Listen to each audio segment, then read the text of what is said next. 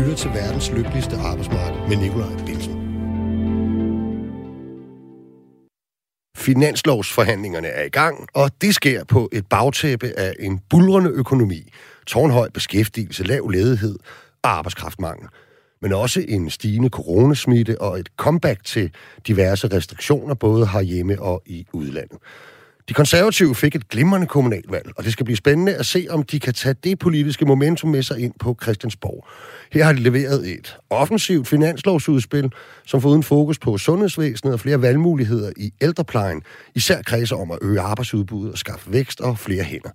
Det skal ske ved at sænke skatten, både for borgere og erhvervslivet med 6,8 milliarder allerede i 2022. Og mens 100.000 danskere helt skal trækkes ud af topskatten, skal den netop indførte og meget populært kaldet Arne-pension afskaffes. Vi har besøg af den konservative finans- og skatteordfører Rasmus Jarlov hele programmet. Senere får han selskab af politisk ordfører fra det radikale venstre, Andreas Stenberg. Og det er vel det af regeringens støttepartier, hvor melodien om topskattelettelser og øget arbejdsudbud sagtens kan findes på playlisten. Men hvordan står det egentlig til på arbejdsmarkedet og med økonomien? Giver det overhovedet mening at lokke dem, der allerede er i job til at arbejde mere og skaffe hænder uden for ikke bare landets, men ligefrem EU's grænser? Eller burde vi satse på at få de sidste ledige med en sværere tilknytning til arbejdsmarkedet med i opsvinget? Det mener AE-rådet. Og vi har derfor cheføkonomen med til hele debatten. Han hedder Erik Bjørsted. Mit navn, det er Nikolaj Bensen, og jeg arbejder til daglig på det Kongelige Teater, offentlig ansat 3F'er og fællestillidsmand. Men sådan nogenlunde de næste 54 minutter skal jeg forsøge at være jeres vært. Velkommen til programmet.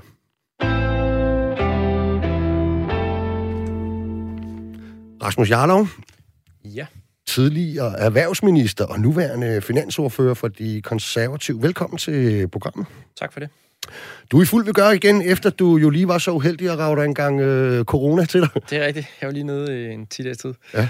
Kan jeg lige lokke dig til at rykke din mikrofon sådan lidt opad, Rasmus? Ja. Sådan der. Prøve. Sådan bedre. Ja. Det er meget bedre, ja.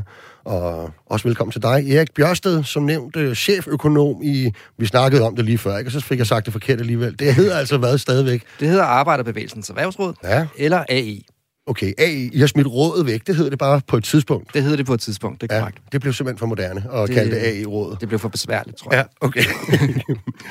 Hvad med dig? Præger corona dagligdagen? øh? Vi er heldigvis gået fri derhjemme, Ja. og nu har de heldigvis åbnet op for vacciner til, til de helt små, så det, øh, det glæder vi os til, så vi jo også kan få vaccineret den mindste.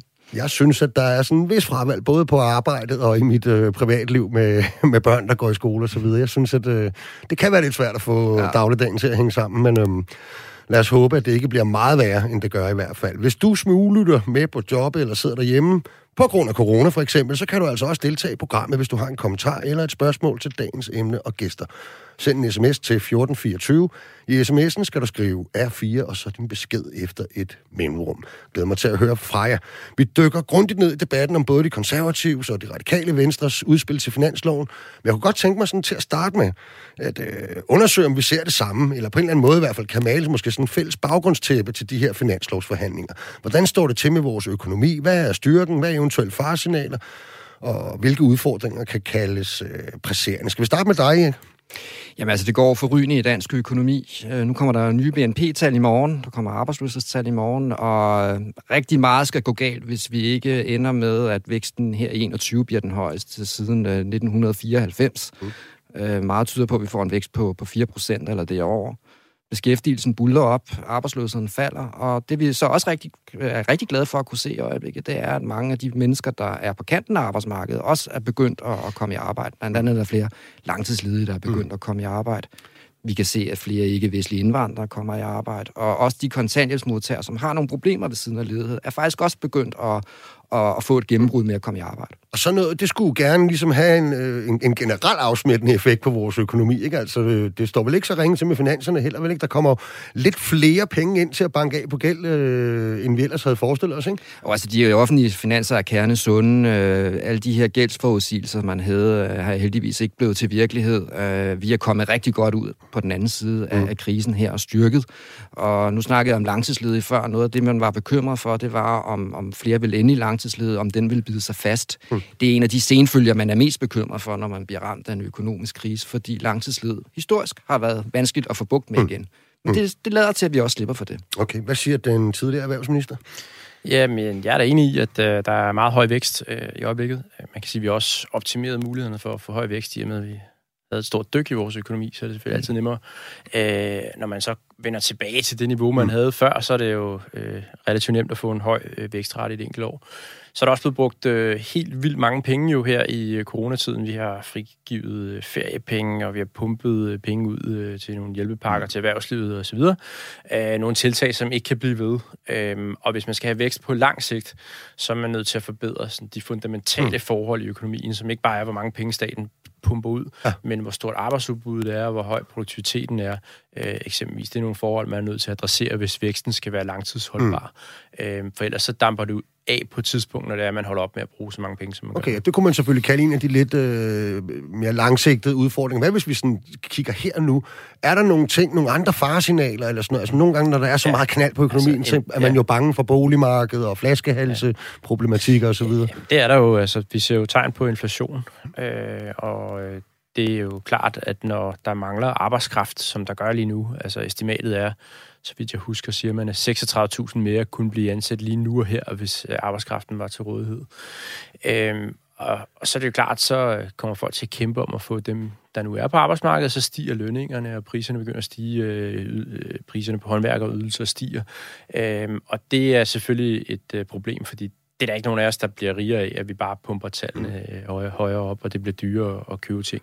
Så det er jo det, det er helt klart en, en udfordring i øjeblikket, at der mangler Øh, arbejdskraft. Det sætter os tilbage og gør os til et mindre velstående samfund, end vi kunne være, hvis der var mere arbejdskraft til rådighed. Okay, David har allerede skrevet en økonomien er falsk pumpet på helikopterpenge. Alt skriger mod en finanskrise. Dollaren har aldrig været svagere på grund af massiv printning af penge, og det vil ramme os. Har han ret i det, ikke? Ej, jeg er lidt du er ikke så bekymret? Nej, ja. det er jeg faktisk ikke, fordi øh, jeg er med på, at hvis man sådan kigger på rekrutteringsproblemerne, så minder de om noget af det, vi så før finanskrisen. Men man skal også bare huske på, at dansk økonomi står et langt bedre sted i dag, end vi gjorde i 2008 konkurrenceevnen er rigtig god. Det vil sige, at dansk økonomi er i rigtig god form. Vi kan godt tåle at få pulsen op, uden at økonomien falder om af, af overophedning. Forbrugerne har heller ikke kastet sig ud i en forbrugsfest. Ja, der er pumpet mange penge ud til øh, at, at holde hånden under det private forbrug. Men ser man på de råtal, så er danskerne ret tilbageholdende med at bruge penge. Mm. De bruger en forholdsvis lav andel af deres indkomst på forbrug. Det står i klar modsætning til situationen før finanskrisen, hvor mange havde kastet sig ud i en, en gældsfinansieret forbrugs, øh, forbrugsfest. Øh, virksomhederne er også rimelig tilbageholdende med investeringer. De har ikke givet deres investeringer mm. for voldsomt. Så det betyder, at der er et stort privat opsparingsoverskud i økonomien. Mm. Og det mindsker altså risikoen for, for en hård landing. Okay. Så, jeg, så vil jeg så også sige, at ja, det er rigtigt, at inflationen er stedet, men det er i høj grad energipriserne, der trækker det. Ser vi bort fra energipriserne og ser på det, vi kalder kerneinflation, så er den stadigvæk øh, relativt moderat. Så og man kan også se, at de her producentpriser, som er skudt i vejret, fordi der er alle de her leveringsproblemer mm. i økonomien, alle de her fragtskibe, der ligger i kø. Ja. De har og kineserne givet, har opkøbt ja, en masse De har selvfølgelig og, givet ja. nogle ekstra produktionsomkostninger, men de produktionsomkostninger er ikke i fuldt omfang blevet væltet over i forbrugerpriserne. Mm. Og det tyder lidt på, at det godt kunne være noget midlertidigt, at i hvert fald virksomhederne anskuer det som noget midlertidigt, og derfor i første omgang lige har valgt at tage det over profitten og sige, okay, så får vi lidt mindre profit, og så, øh, så vinder øh, hvad skal man sige, mere normale tilstand forhåbentlig snart okay. tilbage. Er enig, Rasmus? Ja, det, det er jo en trosag i virkeligheden, ikke? Om det er midlertidigt, eller om det bliver ved, så det ved jeg ikke. Øh, der er jeg ikke klogere end, end, end nogen andre. Jeg vil i hvert fald sige, der er meget, der taler for, at når der er så stor mangel på arbejdskraft, så risikerer det at sætte sig i lønningerne og, og øh, også konkurrenceevnen. Øh, så jeg synes det i hvert fald, det er ret åbenlyst, at øh, vores største problem lige nu, det er øh, mangel på arbejdskraft, og det synes jeg, vi skal prøve at adressere. Okay. Erik Bjørsted, I har jo set på arbejdsløshedstallene, og frem for alt, hvilke typer ledige, som godt hjulpet af opsvinget, er kommet i arbejde. Og særligt hvad angår de langtidsledige, altså arbejdsløse, som i en længere periode end flertallet har været væk fra, fra arbejdsmarkedet, har en svagere tilknytning simpelthen. Øh, og der er måske noget opløftende nyt. Kan du ikke fortælle lidt om øh, den analyse, jeg lavede? Jo, men altså, vi så desværre her under krisen, at, at antallet af langtidsledige, det vil sige personer, som har været ledige i mindst 80 procent af tiden inden for det sidste års tid, Øh, det begyndte at stige ret hurtigt og ret kraftigt. Øh, det holdt sig heldigvis under det niveau, vi så efter finanskrisen, men vores bekymring var jo, om, om det ville bide sig fast, fordi som jeg var lidt inde på før, de historiske erfaringer fortæller os, at det kan være svært at slippe af med, med langtidsledighed. Men øh, her, da man kunne så åbne op igen, og godt hjulpet af stimulipakker osv., så, videre, så begyndte der for alvor at komme gang i julen igen, og vi op, der opstod også den her mangel på arbejdskraft. Og det har altså været med til at give nogle jobåbninger til, øh, til de her mennesker, som i dag er på kanten af arbejdsmarkedet. Antallet af langtidsledige er heldigvis på vej ned igen, og vores sidste prognose øh, tyder på, at øh, vi godt kan få antallet af langtidsledige helt ned på det niveau, det var før krisen, måske også lidt under. Øh, så det er jo, og hvad er det niveau? Jamen, det er, det er, det er sådan lige under 20.000 ja, langtidsledige, øh, svarende til sådan cirka 20 procent af de ledige. Det plejer altså det, det, er, det er jo sådan lidt afhængigt af, hvordan, hvor godt det går i økonomien, mm. men, men det er i hvert fald et niveau, som vi kan komme ned på, og som vil være lidt lavere end det niveau, vi havde før øh, coronakrisen, hvor det gik rigtig godt i dansk økonomi. Øh, det vi kan se konkret, det er, at andelen af langtidsledige, som kommer i arbejde, jamen, den er den højeste i, i 13 år. Så det her det er ikke bare, fordi folk falder ud af systemet og havner på mm. andre ydelser. De kommer, kommer rigtig i arbejde. arbejde.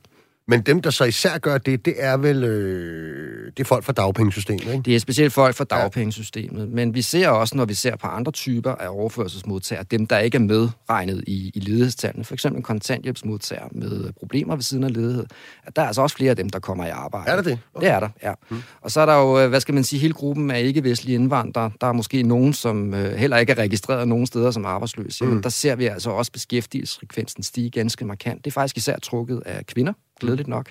Der er selvfølgelig stadigvæk lang vej, før ikke-vestlige indvandrere har den samme tilknytning til arbejdsmarkedet, som, som danskere har, mm. men vi er godt på vej. Vi er godt på vej. Så hvis, hvis, hvis tallene skal sige os et eller andet, eller måske ligefrem inspirere os til, til, til en eller anden tænkning, øh, hvad er så det? Jamen altså... Øh, Måske klar. bare is på, eller hvad? Nej, men jeg, jeg synes at vi skal opretholde et moderat pres på arbejdsmarkedet. Jeg er med på, at øh, økonomien skal ikke overophede, og derfor er det også helt fornuftigt, at man nu øh, trækker nogle af de her stimulanser til økonomien tilbage. Mm. Hjælpepakkerne bliver afviklet. Øh, der bliver heller ikke udbetalt feriepenge nu her. Øh, offentlige investeringer skrues der ned for. Og det synes jeg sådan set er fornuftigt, sådan at, øh, at vi ikke render ind i en overophedning. Men vi skal ikke øh, trække, vi skal ikke trykke bremsen mere ned, end at der stadigvæk er, er efter med arbejdskraften. Det gør mig ikke noget, at, at arbejdsmarkedets forsyningstropper, arbejdsudbud, har lidt svært ved at følge med, øh, med virksomhedernes behov, fordi det giver altså nogle jobåbninger til dem, der også står uden for arbejdsmarkedet i dag. Mm. Så kan man, sådan, altså kan, man, kan man på en eller anden måde godt sige, og nu bliver det jo meget simpelt det her, ikke Rasmus Jarlov? Altså, at, at øh, en erfaring, vi i hvert fald har selv med de langtidsledige, det er, at, øh, at hvis der trods alt er jobs derude, så kommer mange af dem faktisk også i beskæftigelse. Jamen helt sikkert. Det er da, det er da klart. Altså, at når der er pres på arbejdsmarkedet, så er der flere jobs at få, og så er der flere, der, der får muligheden. Også nogle af dem, som måske hænger i den, i den i, øh, hænger fast i arbejdsløshed gennem længere tid. Ikke? Mm. Øh, så, så det er da helt sikkert en, en god øh, sidegevinst. Men omkostningen er jo stor, så jeg vil ikke anbefale strategien om, at man prøver sådan generelt at sørge for, at der er alt for lidt arbejdskraft i øh, samfundet, fordi så er der bare rigtig mange opgaver, der ikke bliver løst i samfundet, og så bliver vi et, et, et fattigere samfund. Så, så sådan samlet set for, for, for samfundsøkonomien så, og for Danmark, så vil det være godt, at der er et større arbejdsudbud frem for en strategi, mm. hvor man hele tiden udsulter øh, virksomhederne ja, ja. Og, og, og gør det svært for dem at få den arbejdskraft, som de gerne vil have. Og der har I jo selvfølgelig, altså det, det, det skal vi snakke om lige om lidt, øh, hele det fokus på, på, på arbejdsudbud, hvordan man kan skabe det. Men men, øh, men nogle gange handler debatten jo også om, hvad vi konkret gør i forhold til de ledige, og for at øge arbejdsudbuddet der, ja. ikke? Altså, øh, og der er det jo som regel, må jeg jo indrømme, ja. noget med at skære i deres ydelser og ja. stramme op på diverse lovgivninger ja. og så videre. Øh, ja. Har I sådan noget i, med, i baglommen også?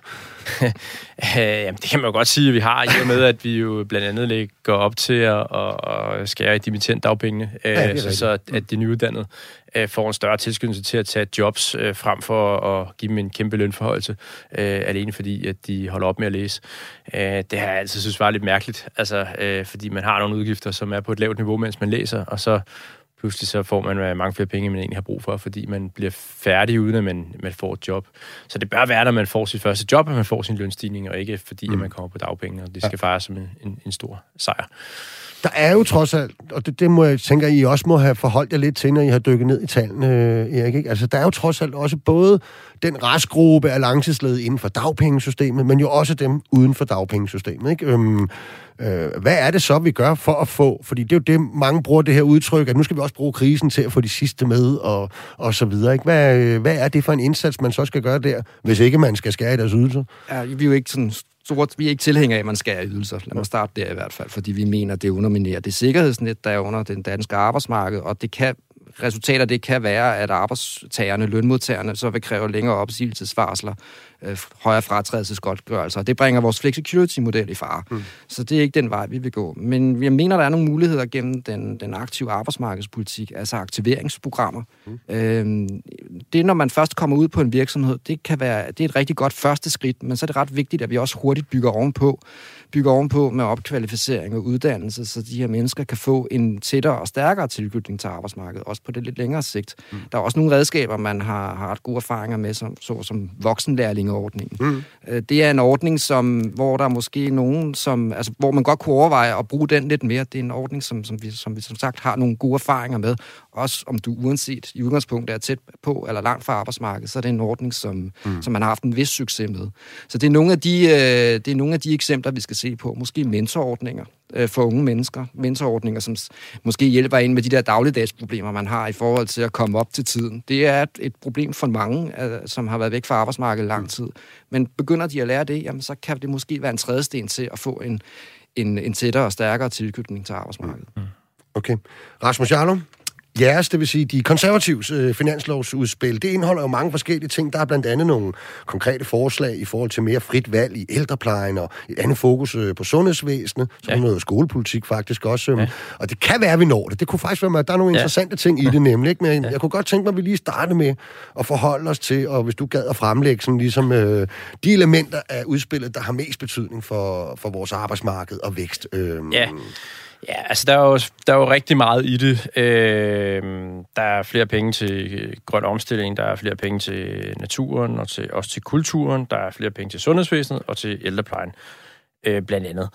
Øh, men hvis det handler sådan rent om arbejdsmarkedet og økonomi og arbejdsudbud osv., øh, jamen så foreslår vi jo at, øh, ja, at skære i, i for eksempel dimittentdagpenge. Vi foreslår også at afskaffe efterlønnen og pensionen øh, og øh, seniorjobordningen. Som han er frisk nok. Han starter med den anden side af papiret. Ja. Ikke? Alle de ting, de vil tage, det starter han med. Det er den, ja, der er, ikke, der er ingen grund til at, at, putte, at putte, med, det, at putte med det. Altså, øh, det står vi ved, at øh, vi, vi synes, der er for mange overførselsindkomster i, øh, i Danmark. Øh, der er for mange, og nogle af dem er øh, lidt for øh, generøse. Og det tager vi sådan fra sag til sag. Altså, vi har ikke sådan dogmatisk tilgang til det, at vi ønsker at skære i overførselsindkomster i princip, men når vi får øje på noget, hvor vi synes, at her er det uhensigtsmæssigt, at man får så mange penge, øh, jamen så er vi klar til at skære. Vi vil også gerne genindføre øh, kontanthjælpsloftet, øh, eller, eller skulle fastholde det, mm. øh, sådan så at øh, man ikke får mere end ved at være på kontanthjælp, end man får ved at være i et lavt job, for eksempel.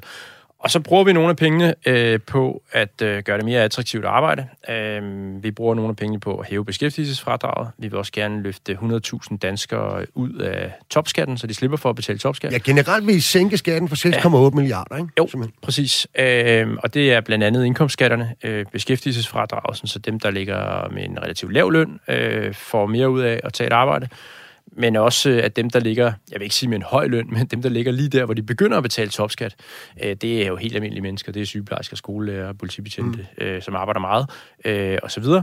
Øh, de skal slippe for at betale øh, den topskat, fordi det bør, altså hvis man overhovedet går ind for topskat, øh, det gør vi ikke, men hvis man overhovedet gør, så, så øh, bør det være noget for folk, der tjener mange penge og at man skal betale sådan 15 procentpoint øh, mere i øh, skat af sin indkomst.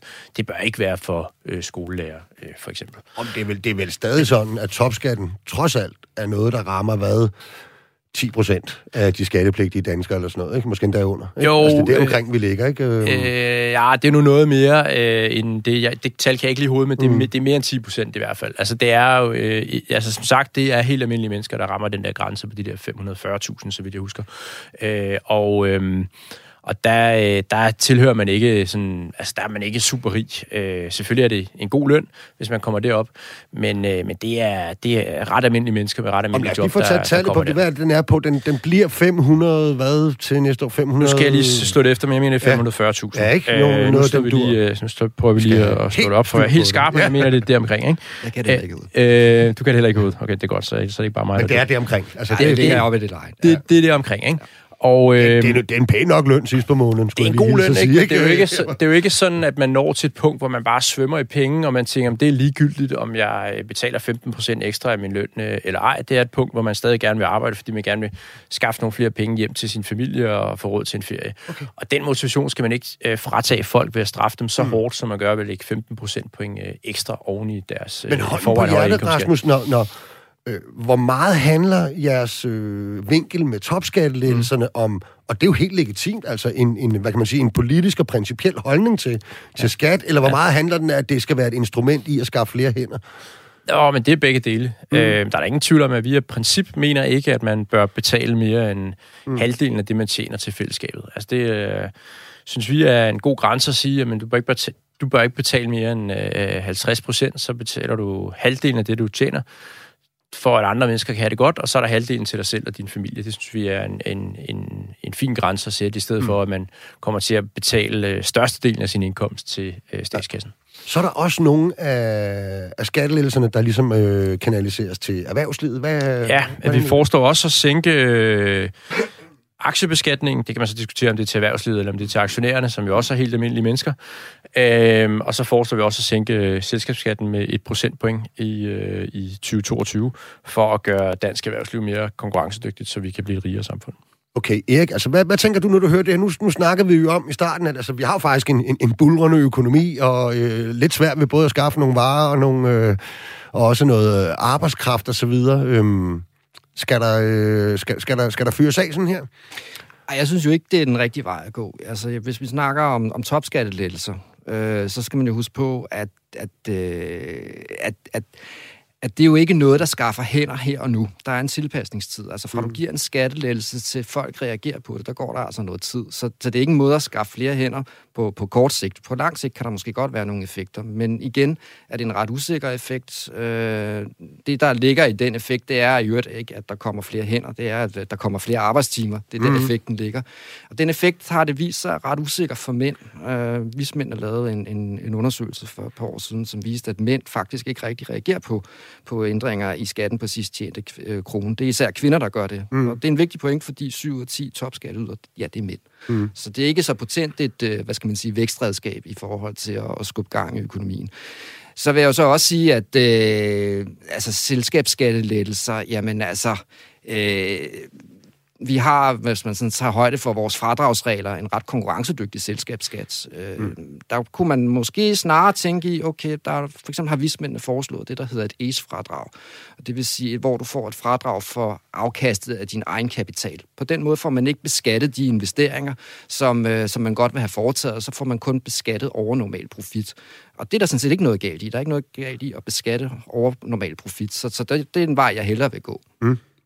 Ja, altså, der er jo ret delt meninger om det der med, med, med, med topskatten, ikke? Altså, Berlingske øh, spurgte her for et par år siden 55 øh, danske topøkonomer om, øh, hvad de mener om, øh, om topskatten, og der siger 66 procent, at øh, en lavere topskat enten er fuldstændig selvfinansierende eller i overvejende grad øh, selvfinansierende. Så det er ikke generelt, det Finansministeriets regneregler. Generelt er der sådan blandt økonomer en opfattelse af, at øh, det motiverer folk til at øh, arbejde mere, og det er en af de skatter, som giver allermest øh, selvfinansiering. Altså, den koster faktisk meget lidt at lette, mm. fordi man får flere penge ind i statskassen, fordi folk gør en, øh, en øh, ekstra indsats. Ikke? Jeg stod det lige op. Øh, øh grænsen er 544.800 ja, ja. kroner efter arbejdsmarkedsbidrag. Vi var tæt på. Nu, nu, nu er det rigtig dig, ikke? Ja. Men du kan jo også komme øh, den vej, for eksempel ved et, et uddannelsesløft. Altså, vi har jo lavet beregninger, som viser, at hvis du får løftet 2.000 unge ufaglærte til faglært niveau, så har det en større positiv effekt på, på økonomien, end afskaffelse af topskatten har. Det koster ikke statskassen penge at, at få lavet det uddannelsesløft.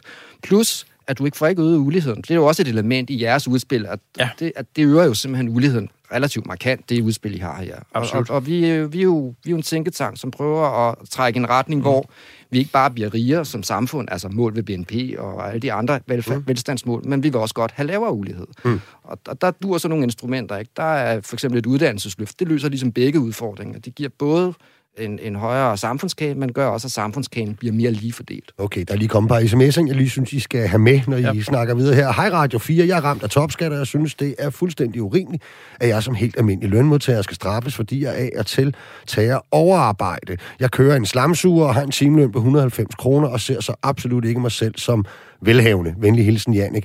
Der, der skal alligevel øh, suge noget slam til 190 i timen for at komme op på topskatten, kan jeg lige regne ud umiddelbart. Ikke? Ja, det svarer, til, sådan set, svarer til en månedsløn på øh, nogle, cirka 45.000 efter arbejdsmarkedsbidrag. Ikke?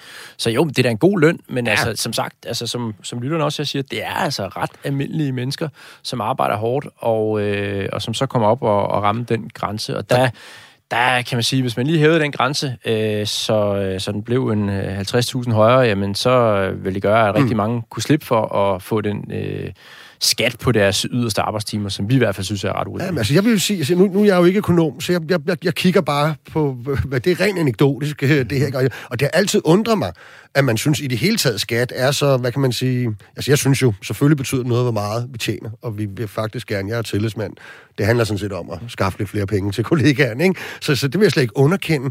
Men, men virkeligheden er vel, at altså, rigtig mange af dem, der ligger omkring topskatten i øjeblikket, det er rigtig mange, som i forvejen har kontrakter, hvor de er uden øvre arbejdstid, og de lægger rigtig mange timer i forvejen. Altså, er det virkelig, er det virkelig dem, vi skal have fat i for at lægge flere timer? Plus, og det har virkelig undret mig i debatten, altså langt de fleste overenskomster, jeg kender til, i øvrigt ligesom vores ven Slamsuren, altså du har ikke rigtig muligheden for at sige, det er en myte, at man sådan kan nægte at arbejde over. Det er altså ret svært ja, i kommer, de fleste kontrakter, du ja. har. Du skal altså påtage dig det arbejde, som virksomheden øh, ja. siger, der skal udføres. Jamen, det er jo helt sikkert rigtigt. Sådan i, i en, konkret arbejdssituation, man lige står i, der kan det være, at man, man ikke kan lige justere på, hvor meget man arbejder. Ja. Men det betyder noget også for folks livsvalg. Ikke? Altså for eksempel, skal man bruge sin tid på at øh, gå derhjemme og renovere sin bolig, øh, hvor man får en skattefri gevinst, mm. øh, eller øh, skal man bruge sin tid på sit arbejde. Og der er det problem, at indkomstskatterne er så høje, okay. så at, øh, at det altså faktisk meget, meget bedre kan betale sig at gå derhjemme og male sin garage, eller øh, lægge mm. ny terrasse, eller et eller andet, i stedet for at lade de mennesker, som er gode til at male garager og ja. lægge terrasse, gør det, og så passer revisoren og bageren sit, sit arbejde øh, i stedet Det synes jeg umiddelbart lyder som en god fordeling, altså trods alt, der bliver Man skal bare huske på, at hvis man kommer op højt nok op på indkomstskalaen, mm. så sådan en topskattelettelse kan jo godt virke den stik modsatte vej. At, at vi så vælger, eller præcis, andet, ikke? og det er jo en effekt, som specielt vismændene pegede på, at den kan vi altså ikke helt udelukke, ja, når vi det, snakker altså, sagt, Det er altså et meget lille mindretal af økonomer, som, som har den opfattelse. Jeg ved ikke, om vismændene er et lille mindretal, men øh, i hvert fald, de har en ret tung vægt, lad mig sige det på den måde. Ja, men du, du, du står vel ikke og siger, at vismændene mener, at, øh, hvis man letter topskatten, så arbejder folk mindre? Hvis, for nogle grupper tør de ikke udelukke jo, det. For eksempel jo, for, for, for mænd for nogen, op i... Men, men det, det relevante er, hvad det betyder det samlet set. Ikke? Ja. For altså, arbejdsstyrken som helhed. Der er der altså overvejende jo, en opfattelse blandt når, seriøse økonomer af, at det betyder, at folk arbejder mere. Når 7 ud af 10 topskatteyder er mænd, og man ikke kan påvise en positiv effekt for mænd, så synes jeg, det vidner om en vis dødvægt i det tiltag. Okay, prøv at lad os lige vende os lidt mod øh, det, du faktisk startede med, øh, bagsiden af papiret, det, der skal finansiere det hele. Øh, den lagde du jo meget voldsomt ud. Altså efterlønsordningen, jeg tror, I skriver, at det er tilgangen til den, I trods alt. Øh, I vil ikke fjerne folks efterlønsret, nej, nej, nej, altså, det er, nej, nej, selvfølgelig. I lukker ordningen for, vi, for ny vi, tilslutning, altså, ikke? dem, der er gået på efterløn, de får selvfølgelig lov at fortsætte. Ja. Og det er også med en vis indfasning for, at mm. man kan planlægge sin alderdom ordentligt og sådan noget. Vi mener, ordningen øh, skal væk. Vi mener, det er absurd, at vi betaler øh, fuldt arbejdsdygtige mennesker for at gå øh, tidligere på pension. Ja, og man kan sige, at den gode nyhed for jer, det er, det er jo det er en ret begrænset del af arbejdsstyrken, der i dag ja, står Ja, vi har jo trimmet en del, øh, men ordningen, på 17 procent af ordningen findes, tror jeg, øh, ordningen findes stadigvæk. Ikke? Ja, ja. Og så har vi sådan noget som uh, senior job-ordningen, som mm. er en ordning, hvor at man har gjort jobs til en rettighed, som kommuner skal give til folk øh, som er tæt på pension. Men den tager vi senere, fordi den ved jeg, at de radikale vil også af ja, med den, så det kan være, at I kan stå og blive helt Jeg synes, det er utrolig mærkeligt Den tager vi senere, men ja. så er der jo den der øh, ret til tidlig pension, den, den såkaldte Arne-pension. Ja. Den vil I hvad? I vil simpelthen afskaffe den igen? Ja. Der er lige 30.000, så jeg i dag, der, ja. der har søgt den. Det er en utrolig populær ordning. Også. Jo, men det skulle være utrolig mærkeligt. Altså, vi har, vi har jo ikke foreslået den ordning. Øh, så skulle det være utrolig mærkeligt, bare fordi Socialdemokraterne så har valgt at indføre den, så skulle pludselig være tilhængere af den. Altså, vi er modstandere af den, og, og, og af samme grund, vi mener ikke, at vi skal betale raske mennesker for at gå tidligt på pension. Og vi synes også, at den er skruet mærkeligt sammen. Altså, man kan have været på deltid hele sit liv, og så kan man få ret til Arne pension. Det synes vi er en lidt underlig øh, måde at, øh, at lave en ordning på. Mm. Det, man skal huske, når man snakker Arne-pension, det er jo, at vi herhjemme har en intention om at hæve folkepensionsalderen temmelig meget. Altså, jeg, om, om ikke så lang tid, så skal I beslutte at hæve folkepensionsalderen til 70 år. Ja. Øh, mine børn, de øh, skal efter planen trække sig tilbage, eller kan trække sig tilbage på folkepension som 75 år. Mm. Det er jo sådan meget ambitiøst, og der skal ikke have nogen tvivl om, at vi i AE går fuldstændig ind for det her velfærdsforlig, som man mm. blev enige om i 2006, som gradvist hæver folkepensionsalderen i takt med, at vi lever længere. Men det, man bare skal huske på i den ligning, det er, at vi lever ikke alle sammen lige meget længere. Der er stadigvæk stor forskel på den forventede levetid for, for ufaglærte 3F'ere kontra sådan en akademiker som mig. Og der ligger der en eller anden uretfærdighed i, at, at man så ikke får lige mange, skal vi sige, gode år i otium. Mm. Og det er jo sådan set derfor, man har en nødgang for de mennesker, som måske ikke har udsigt til så mange gode år i otium. Og det har, den, den nødgang er vigtig, fordi hvis du ikke har den, jamen så, så forsvinder den folkelige opbakning til gradvist at blive ved med at hæve den her folkepensionsalder. Ja, ja, ja, ja. Lars Lykke var jo allerede lidt inde på det her under mm. 19-valgkamp, hvor han begyndte at så lidt tvivl, men måske skal vi stoppe ved 70 år. Det synes jeg ikke er en god idé, det har vi jo heller ikke råd til. Så mm. for at sikre, at politikerne ikke begynder at ryste på hånden, jamen så synes jeg, det er vigtigt, at, at der er de her nødudgange. Og det er vel sådan, at det velfærdsforlig er noget af det, der sparker allerflest penge ind til vores ja. råderum mm. og så videre. Ja. Ikke? Så, så det er vel vigtigt, Rasmus, at sikre, hvad kan man sige, den folkelige ja. opbakning til, til det også, ikke? Øh, jo, absolut, og, øh, og, og der er jeg glad for i hvert fald, at man også fra arbejderbevægelsens side holder fast i det, fordi så, ellers så får vi godt nok problemer i dansk økonomi, hvis ikke ja. vi gør det. Men det er derfor, at den blødgang er vigtig. ja, øh, og der skal man bare huske, at det, der ligger i øh, den stigende pensionsalder, det er, at vi hele tiden sigter efter, at man har 14,5 år på pension i gennemsnit. Så det er jo fordi levealderen stiger, at så stiger pensionsalderen også. Og for det kan jo godt umiddelbart lyde hårdt at sige, at man skal først på pension, når man er 75 for dine øh, børn. Jeg ved ikke lige, hvor gamle de er. Øh, det ligger ved det leg. Men, men det er jo så fordi, at de har udsigt til i gennemsnit at blive omkring 89 år gamle. Øh, og der er man jo nødt til at vende sig til nogle andre tal. Altså man er nødt til at vende sig til, at da, altså, da mine bedsteforældre øh, var gamle, der, da de nåede 60, der var man gammel. Ikke? I dag er man ikke gammel, når man er 60. Mm. Der er man på toppen, og det er arbejdsmæssigt, er man, altså, for mange vedkommende er det der, de er allerbedst. Øh, og så skal vi ikke til at begynde at betragte dem som gamle, nu nogle snart skal på vej på pension. Nej, de har mange år tilbage, øh, og dem skal de også gerne øh, gå yde noget i. Og vi skal jo ikke betragte det at være på arbejdsmarkedet som noget dårligt. Mm. Og der er jo heller ikke belæg for at, at sige, at folk, der har arbejdet længe, nødvendigvis har dårligere helbred. Tværtimod er der jo faktisk undersøgelser, der viser, at dem, der har været på arbejdsmarkedet lang tid, er nogle af dem, der har det bedste helbred. Nok blandt andet, fordi også de har været i stand til at være på arbejdsmarkedet, fordi de har et godt helbred, øh, øh, og dermed har kunne klare det. Og så har de også været i stand til at have mange år på øh, arbejdsmarkedet. Men man skal bare passe på, at man ikke gør det synd for nogen, som det ikke nødvendigvis er øh, synd for, og som egentlig har det udmærket, også ved at arbejde. Mm. Det er jeg sådan set ikke uenig i, men man skal bare huske på, at de der, var det 14, 14,5 år, du snakkede om i otium, det, er ikke, det, det, det har ikke den samme kvalitet, afhængig af, hvad det er for en baggrund, hvilket arbejde man har haft. For mm. ufaglærte, der vil det være færre år i, med gode år.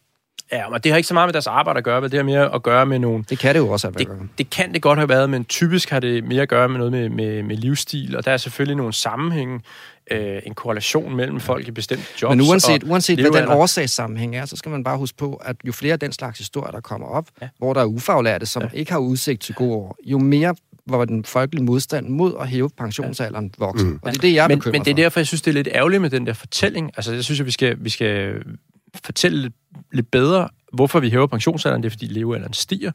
Og også lade være med mm. sådan at fortælle, at det er synd for folk, at de har været lang tid på arbejdsmarkedet. Venner, kan jeg nok jer til at tage et par høretelefoner på? Ja. Mens jeg spiller en skiller.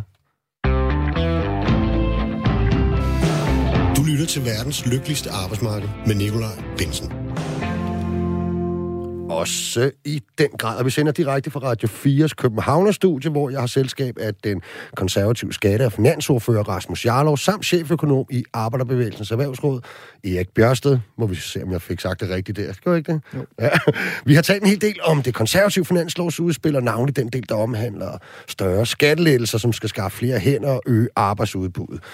Og selvom øh, de måske ikke er helt på samme klinge, så er der faktisk nogle fællesnævner i udspillet over hos det radikale Venstre.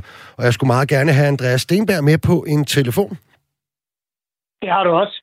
Hej Andreas, velkommen til programmet.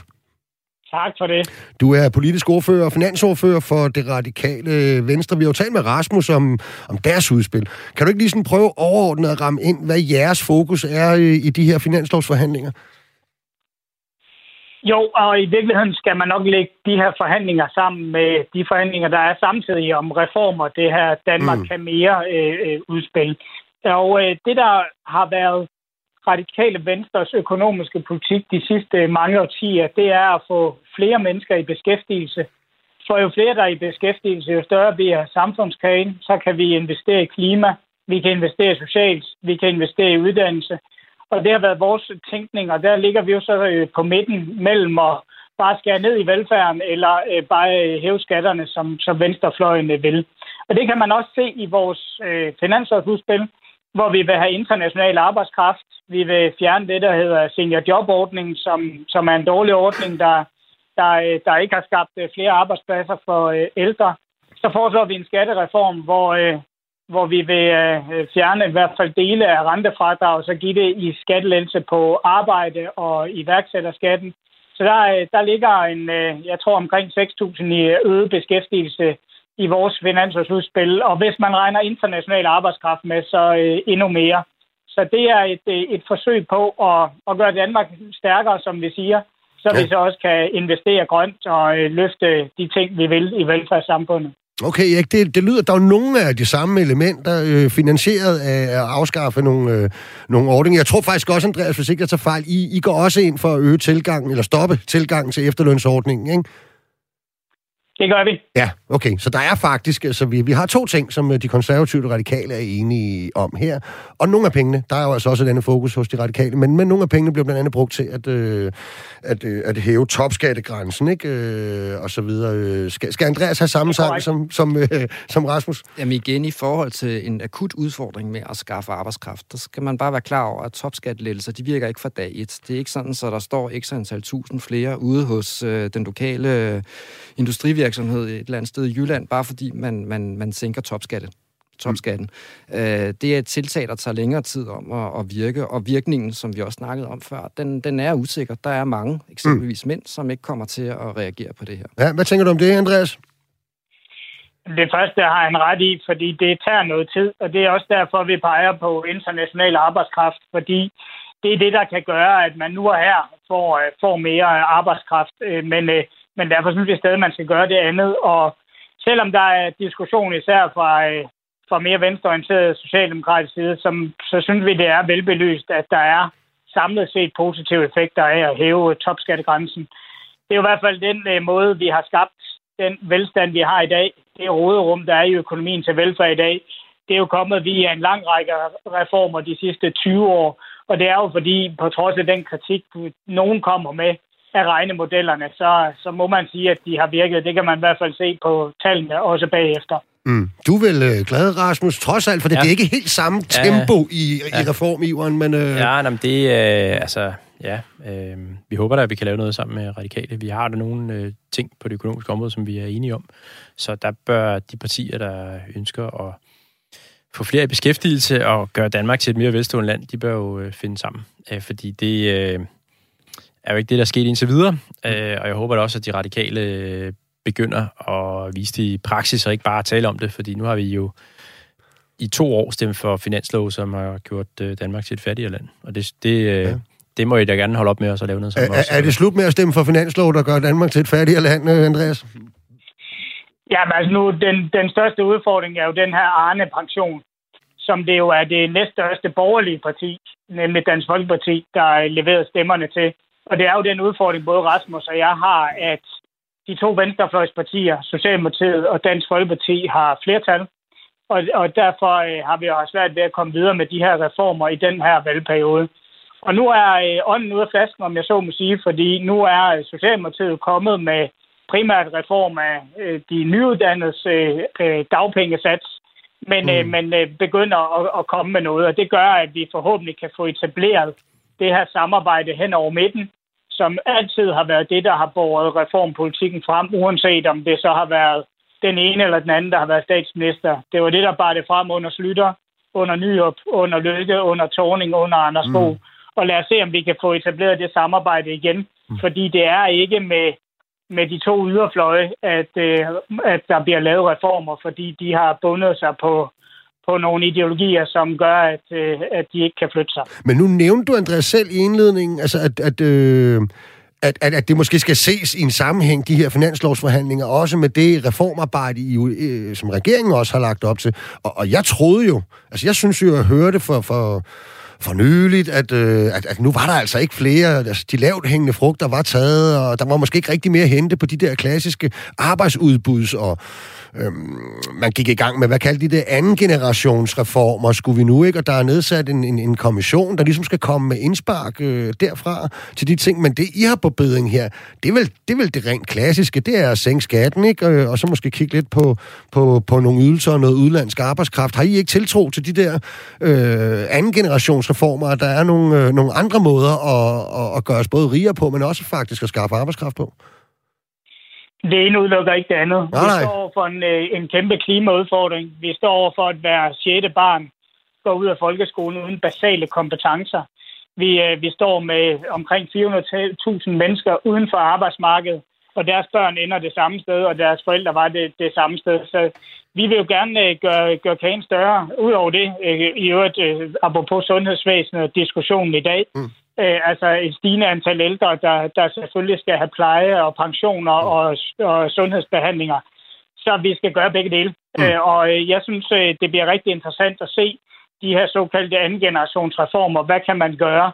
For eksempel inden for beskæftigelsessystemet, der er det jo faktisk flertallet af pengene, man bruger på folk uden for arbejdsmarkedet. Det er sådan set ikke ydelserne. Det er alle indsatserne. Mm. Og kan man lave de indsatser om, så de virker bedre? Spørgsmålstegn. Det synes jeg jo er interessant. Mm. Og lad os, da, lad os da gå ind med åbne øjne der. Men, øh, men øh, derfor øh, udelukker det ikke, at man øh, også kigger på det, du så kalder klassiske reformer, og for eksempel lade være med at, at have lavet den her Arne-pension, som er øh, det største, øh, sådan, det største tiltag i negativ retning på vores økonomi de sidste to år. Men det kan jo være, at det er et godt tiltag i andre retninger. For eksempel, en af, en af vores store udfordringer for økonomien, det er jo blandt andet, at vi mangler faglærte inden for en årrække, ikke? Altså, og som i rigtig mange faglærte. Og, og nu, nu er jeg selvfølgelig lidt ude i det anekdotiske, men jeg er jo nødt til at sige, at når, når øh, håndværkere og teknikere som mig selv ikke rigtig går og drømmer om eller anbefaler vores egne børn at tage erhvervsfaglige uddannelser, så har det blandt andet skyldes frygten for nedslidning og frygten for, at vi ikke rigtig kan stige af toget eller komme andre steder hen.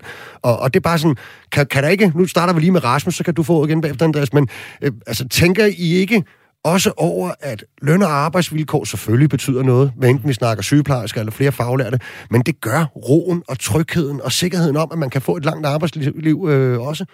Jo, helt sikkert. Øh, men jeg, jeg, bliver ked af, når jeg hører sådan øh, unge mennesker, som begynder at tale om, at de synes, det er så slemt, når de skal på pension om, øh, om 75 år. At, at man sådan Nej, det er måske også lige tidligt nok tænke, at begynde tænke at- på det allerede en meget tidlig alder. Så synes jeg, vi har talt det op øh, for meget, som om, at det er et kæmpe problem også for, øh, for unge mennesker.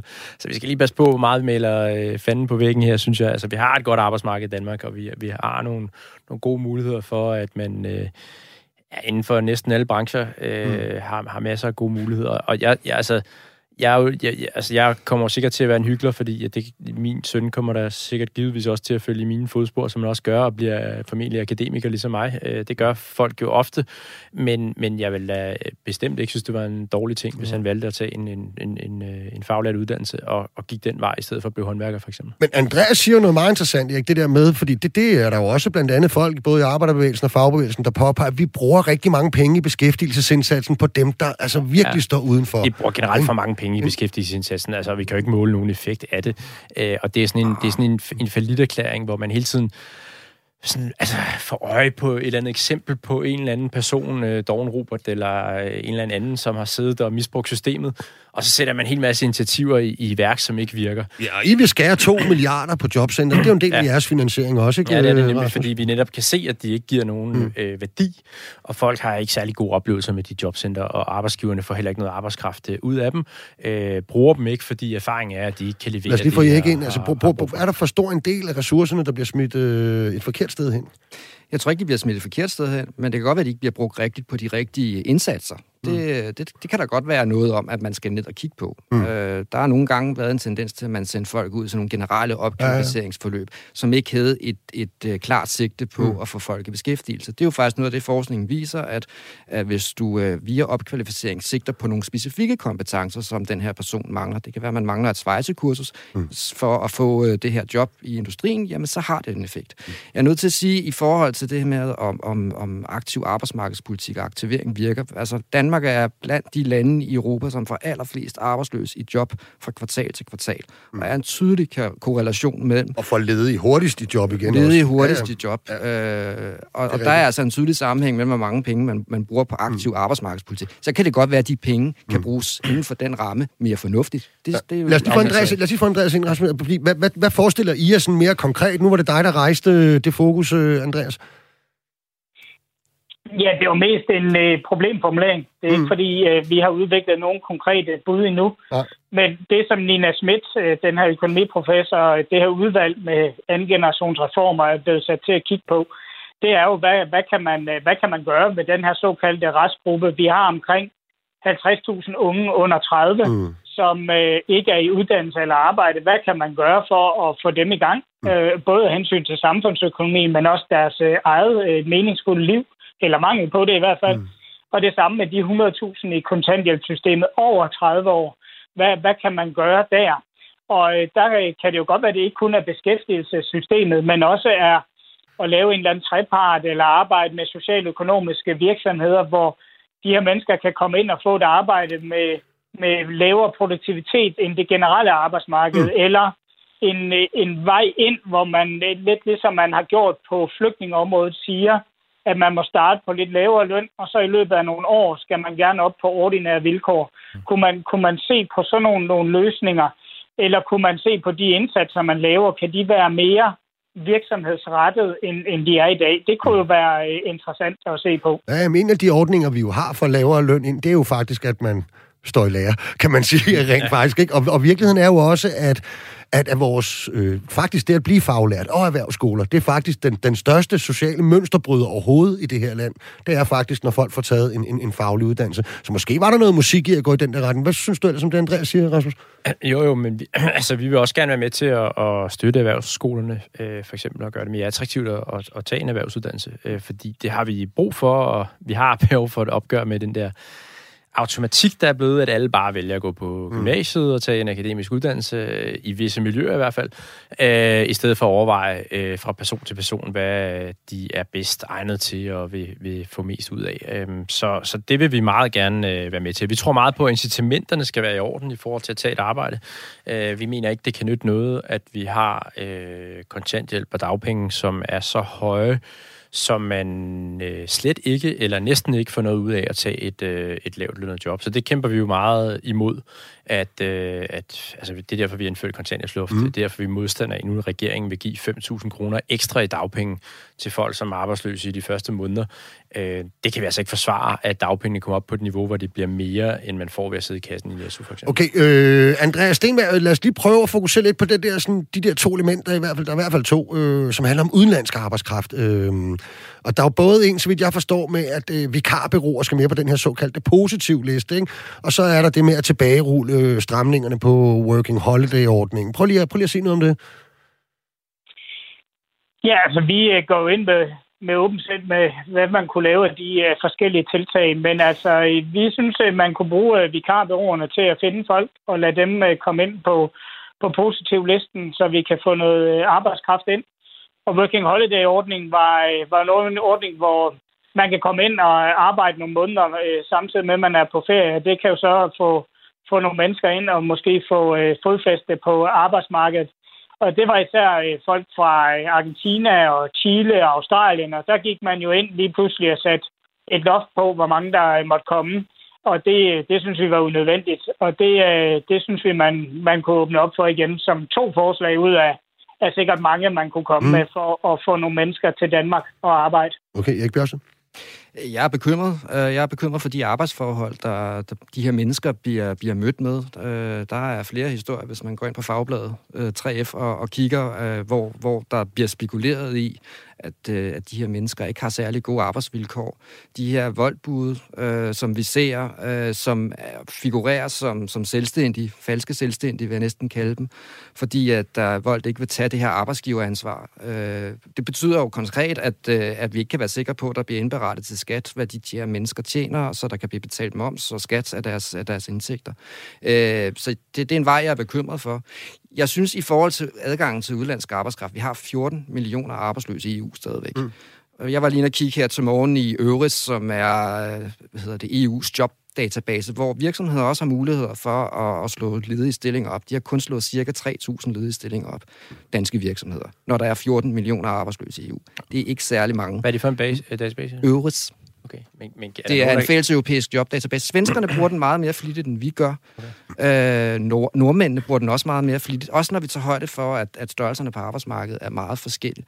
Det synes jeg ikke er, hvad skal man sige, det synes jeg er en lille smule for slapt, at man ikke benytter de kanaler, der rent faktisk er. Vi har også tidligere konstateret, at, at danske arbejdsgiver ikke altid har været lige flinke til at slå de ledige stillinger op i, i de arbejdsløses jobdatabase basejobbene. Det er de så blevet lidt bedre til, men i forhold til at tiltrække europæisk arbejdskraft, der synes men, jeg, der er rum for hvorfor, for, altså, hvorfor fra et fagforeningsperspektiv er det, er det bedre, hvis der kommer flere fra Spanien, end at der kommer flere fra Ukraine? Det er jo et spørgsmål om øh, lønforholdene her. Altså, hvad, hvad er det for en løn, man, man hiver folk ind til? Der er jo fri bevægelighed for arbejdskraften i Europa. Altså, der er jo ikke det er noget... også nemmere for arbejdsgiverne, faktisk. Altså, at få, og mindre ja, byråkratisk. administrativt vil nok være, være nemmere, ja. ja men, der, men derfor har de nok også uh, alt muligt grund til at gøre, hvad de kan i øjeblikket for at hive uh, folk ind fra EU, hvis det kan lade sig gøre. Men hvis står man med en ansøger... Det er, så, det er så det, jeg synes, tallene viser, at de gør. Men, men, men jeg synes bare, det er forkert, at hvis man står med en ansøger fra Sydamerika, eller fra uh, Ukraine for eksempel, eller Thailand, eller hvad det er, uh, lande uden for EU, at man så ikke får lov at bruge dem. Altså hvis, hvis virksomhederne har den kandidat, som de gerne vil ansætte, så synes jeg, det er noget mærkeligt noget en tid her med ekstremt stor mangel på arbejdskraft, at man så forhindrer dem i at, at, at gøre det, når nu der kunne komme nogle mennesker og hjælpe med at gøre Danmark rigere. Jamen, hvis du overholder de her gængse hvad hedder det, overenskomstregler, så er der jo heller ikke nogen problemer. Der kan du hive folk ind til, mm. på ja, positiv listen. Så jeg Nej, kan, og lad os lige høre, kan... Andreas, det der med, fordi den, den synes jeg var interessant, den der med vikarbyråerne. Er det fordi, at og der er måske også en anerkendelse af, at det faktisk ikke er alle arbejdsgiver, der måske øh, er så aktive, øh, som de måske siger, i forhold til at hente arbejdskraften. Og det kunne for eksempel vikarbyråer øh, så gøre bedre, eller hvad? Er det, er det det, man også skal, skal, skal lægge i jeres forslag? Ja, for eksempel. Mm. Og jeg synes, at lad os da få, øh, få virksomheden til at være bedre at spørge, om der er nogle spanier, italienere og grækere. Jeg tror, det er der, der er stor arbejdsløshed. Mm. Om de har lyst til at komme, komme til landet også. Det ene udelukker ikke det andet set med, med mine øjne. Men det der jo er øh, for at, at tage det her også med, med voldbud, det der er jo er to udfordringer på vores arbejdsmarked det er, at der er jo nogle områder, for eksempel hotel og restauration, hvor øh, organiseringsgraden er ret mm. lav, både på arbejdsgiver og arbejdstagerside, og det er jo et stort problem, og det gør, at der jo er mange, der ikke har overenskomst, også af, etnisk danskere. Hvad, mm. hvad gør vi ved det? Mm. Øh, det synes jeg jo, nu, nu er der ikke så mange minutter tilbage, men det er jo en interessant diskussion, det er hvordan ja. man får flere øh, til at melde sig ind i det. Mm. Det andet er jo det her med, at folk er selvstændige. Og det er jo også øh, lige, hvad herkomst man har, men, men om man kører taxa eller vold eller øh, rengøring, eller bare har sit eget lille øh, firma, hvilke forhold arbejder man så under? Fordi så er man ikke under overenskomst, fordi man jo er et enmandsfirma. Og sådan er der jo rigtig mange, der øh, arbejder uanset herkomst. Og hvad, øh, hvad gør man som fagforening ved, ved det? Fordi mm. så er man, om jeg så må sige, uden for, uden for nummer så er man ikke under overenskomst, fordi man er sin egen virksomhed. Og hvad gør man så? Mm. Det skal vi jo også have en diskussion af, hvordan øh, man løser, fordi selvfølgelig er vi nødt til at have nogle ordentlige vilkår, men det har bare set med mine øjne ikke noget at gøre med, om folk er udlændinge eller ej. Det er uanset, hvad land man kommer fra. Ja, ja. Det tror jeg jo også er det klassiske synspunkt fra, fra, fra fagbevægelsen. Det Jamen er man det, faktisk det er, også ligeglad det, med. Det er jeg sådan set også fuldstændig enig i.